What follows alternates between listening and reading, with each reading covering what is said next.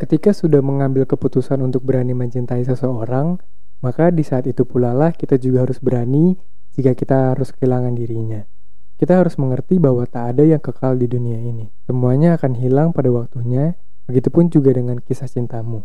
Bisa jadi harus berpisah karena kematian, bisa pula tak bersatu lagi karena memiliki perbedaan pendapat. Memang berat, tapi itu adalah resikonya. Stuck in my brain. Halo Moveoners, balik lagi bareng gue Rain di podcast Lupain Mantan. Dan kali ini kita akan ngebahas tentang berani mencintai Berarti juga berani untuk kehilangannya.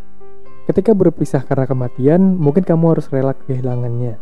Menjalin hubungan yang sangat lama tentunya akan membuat banyak sekali kenangan yang tersimpan di dalam memori kita. Semua memori bahagia, tangis, dan momen romantis lainnya begitu melekat karena ada rasa cinta yang ada di hati. Akan tetapi, satu hal yang tak terelakkan adalah kematian. Tak ada dari kita yang tahu persis kapan kita dipanggil oleh Yang Maha Kuasa.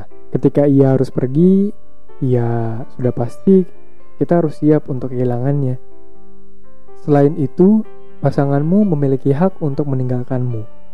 Walaupun kalian sudah menjalin hubungan dalam waktu yang sangat lama, pasanganmu tetap memiliki hak untuk meninggalkanmu. Bisa saja hal ini terjadi karena ulahmu sendiri.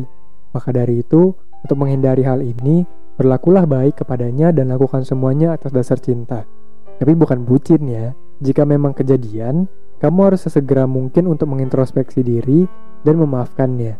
Move oners, mengertilah, gak ada orang yang sempurna di dunia ini. Melepaskannya bukan berarti kamu gak bisa hidup tanpanya juga kok. Mungkin move oners sering mendengar kata-kata gombal seperti Aku gak bisa hidup tanpamu. Oh iya abang, dan rasa ini akan sangat-sangat diresapi ketika sang kekasih memilih untuk meninggalkan kita. Akan tetapi, coba lihat dari sisi terangnya.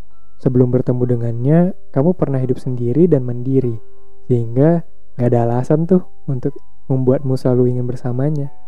Move oners, terima kasih udah dengerin podcast Lupain Mantan, dan kalau kamu suka, boleh like, comment, dan subscribe.